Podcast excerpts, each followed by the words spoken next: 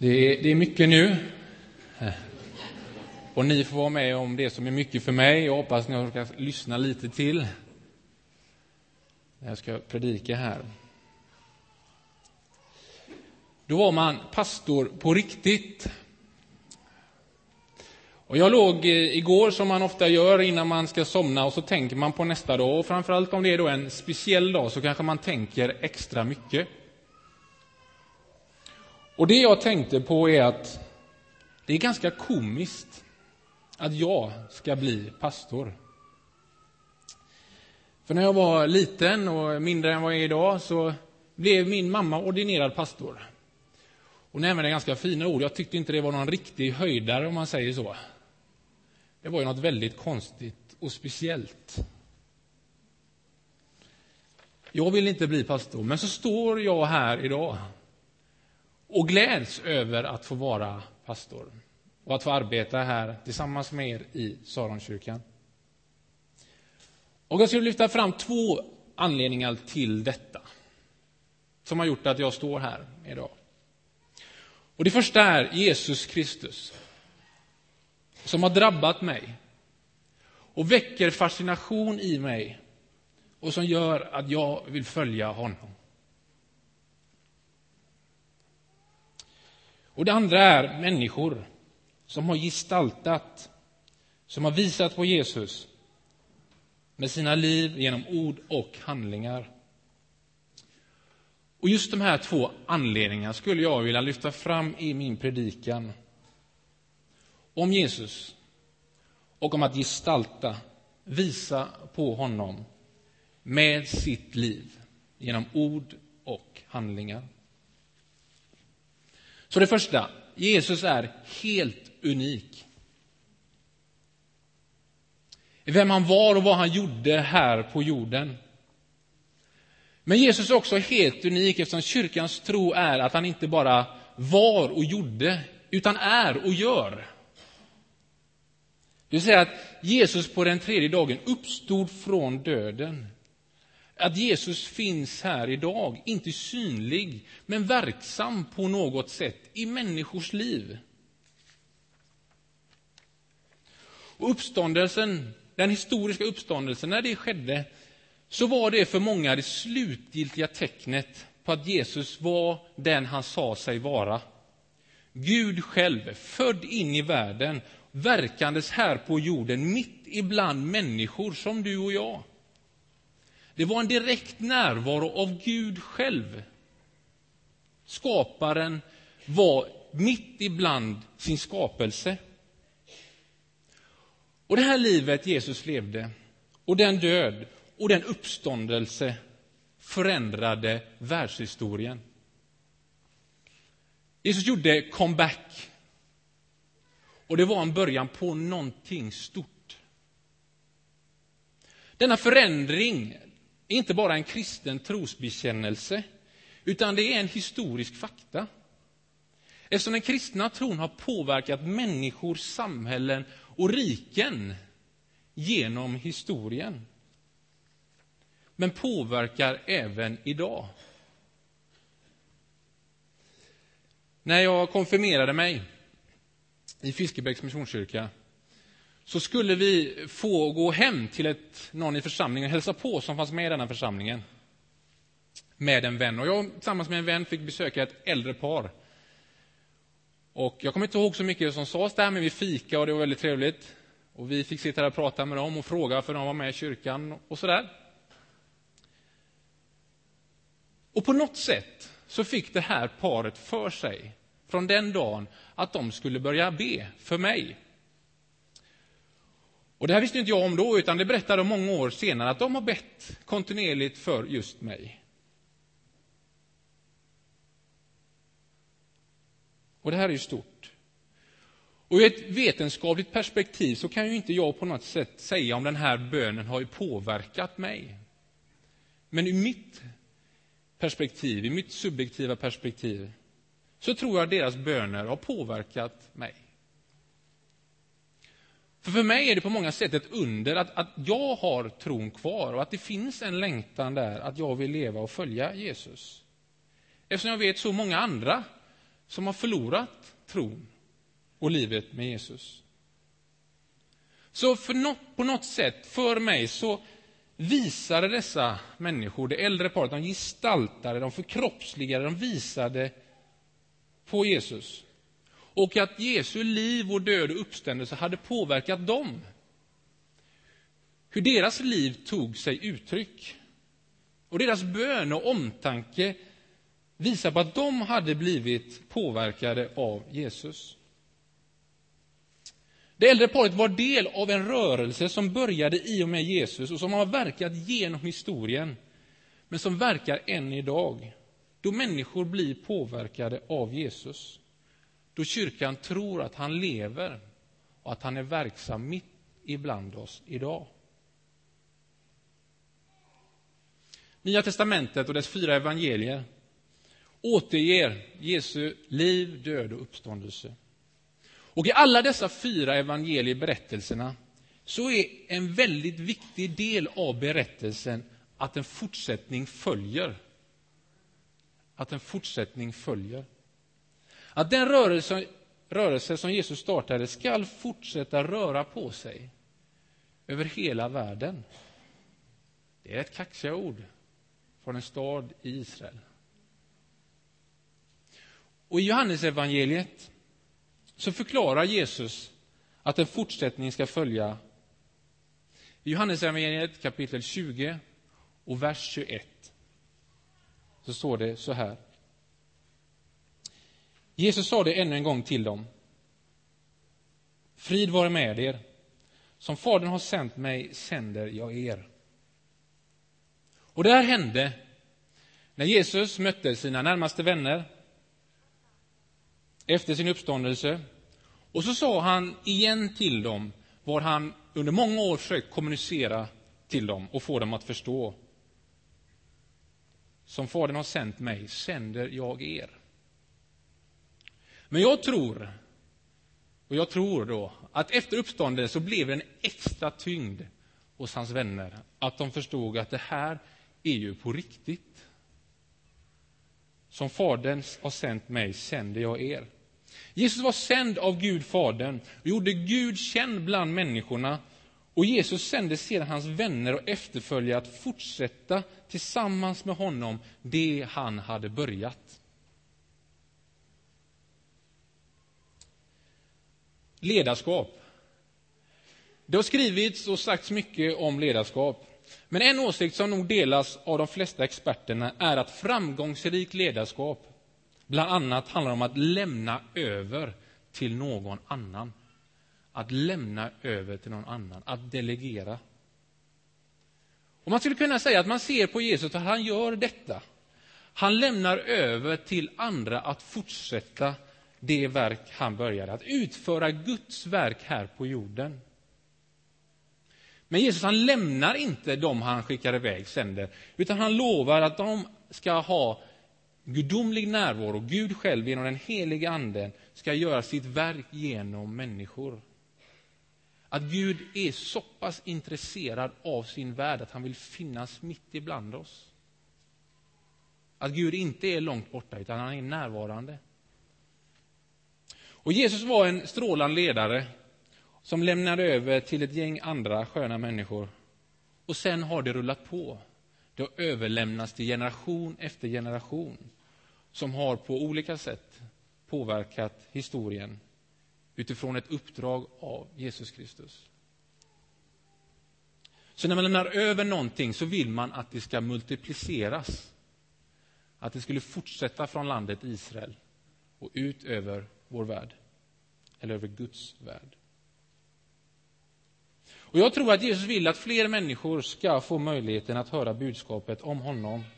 Om att Guds rike är nära, att Gud har blivit känd genom Jesus och kallar människor att leva sina liv tillsammans med honom, med skaparen. Och Den här tron på Jesus har påverkat mängder med människor och påverkar människor idag. Och Det hänger ihop först och främst inte med att Jesus var en duktig ledare utan att Jesus är vem han sa sig vara. Jesus sa sig själv om, om sig själv att han var vägen, att han var sanningen och att han var livet. Det är ju stora ord och kan grävas mycket i. Men bara kanske nämna någon lite så närmar man sig det.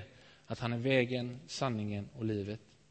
Ett starkt uttalande med mycket anspråk. Men också med enormt mycket frihet för dem som har modet att lita på detta. Att försöka närma sig honom som sådan. Och jag tror att alla som vill följa Jesus, leva livet med honom, har en viktig del i den här sändningen, har en viktig del i det uppdrag Jesus gav oss, att göra människor till hans efterföljare. Och min uppgift här i Saron, som vi har hört om innan idag, är ju att arbeta med unga människor. Och min önskan är att unga människor ska få, få bli och ska få vara Jesu efterföljare. Unga människor idag som lever i en, vad vi kan kalla en ungdomskultur. Och kultur kan säkert definieras på olika sätt. Och nu går jag till de starka källorna här, då går jag till Wikipedia.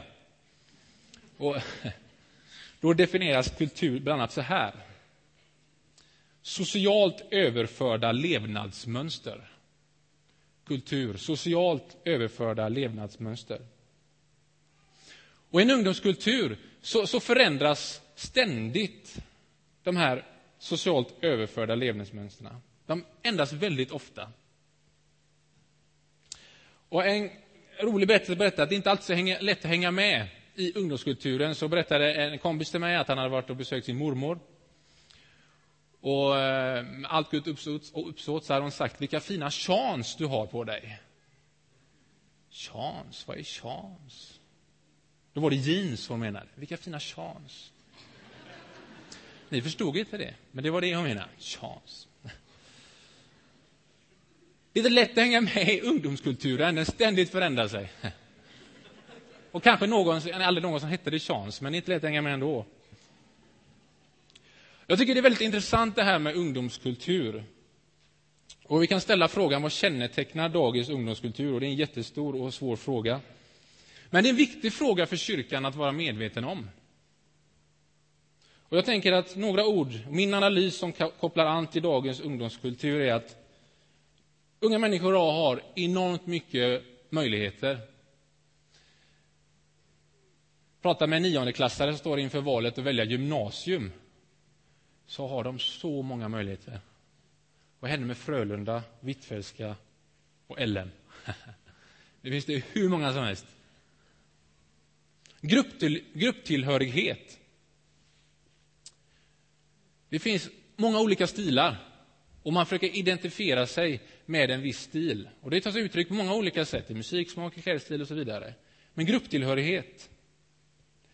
En annan som tydlig ord för ungdomskultur idag är faktiskt smärta. Att många upplever livet oerhört smärtsamt. Rastlöshet kanske är ett annat ord.